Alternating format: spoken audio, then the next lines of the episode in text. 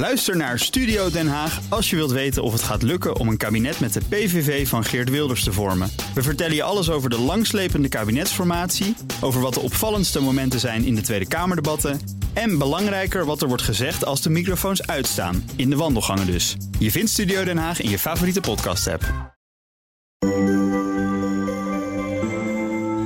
Wetenschap in het kort met Carlijn Meinders. De maan ziet er, vergeleken veel andere hemellichamen, behoorlijk toegankelijk uit.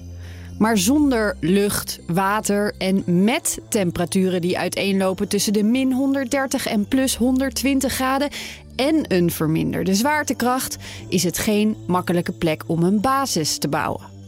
Het stof op het maanoppervlak zorgt bijvoorbeeld voor verstopte mechanica en zit de werking van meetinstrumenten en beschermende pakken in de weg. Bedenk maar even wat er bij elke landende raket of elk voorbijrazend maanvoertuig gebeurt met al dat loszittende stof. Onderzoekers denken nu een mogelijke oplossing te hebben gevonden.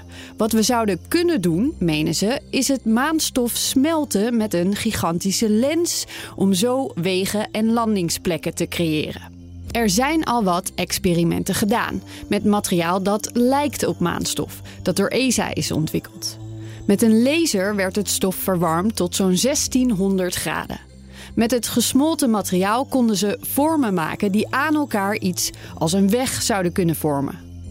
Een snel proces is dit overigens niet.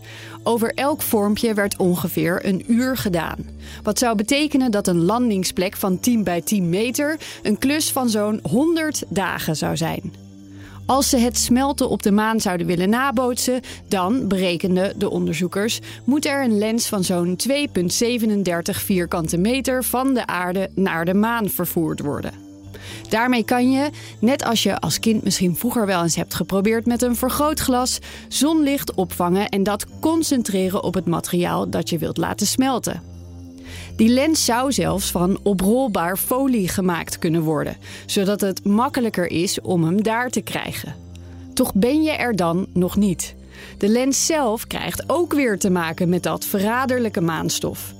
Wellicht zou een vibrerende lens, waar het stof vanzelf vanaf trilt, daar een oplossing voor zijn, schrijven de onderzoekers. Wil je elke dag een wetenschapsnieuwtje? Abonneer je dan op Wetenschap vandaag. Spotify is partner van Wetenschap vandaag.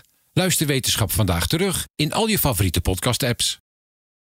Ook Liesbeth Staats vind je in de BNR-app. Ja, heel handig. Luister live naar Kees en mij tijdens de Daily Move. Dan blijf je ook gelijk op de hoogte van breaking news en het laatste zakelijke nieuws. En daar vind je ook alle BNR-podcasts, waaronder de Perestrooikast. Download nu de gratis BNR-app en blijf scherp.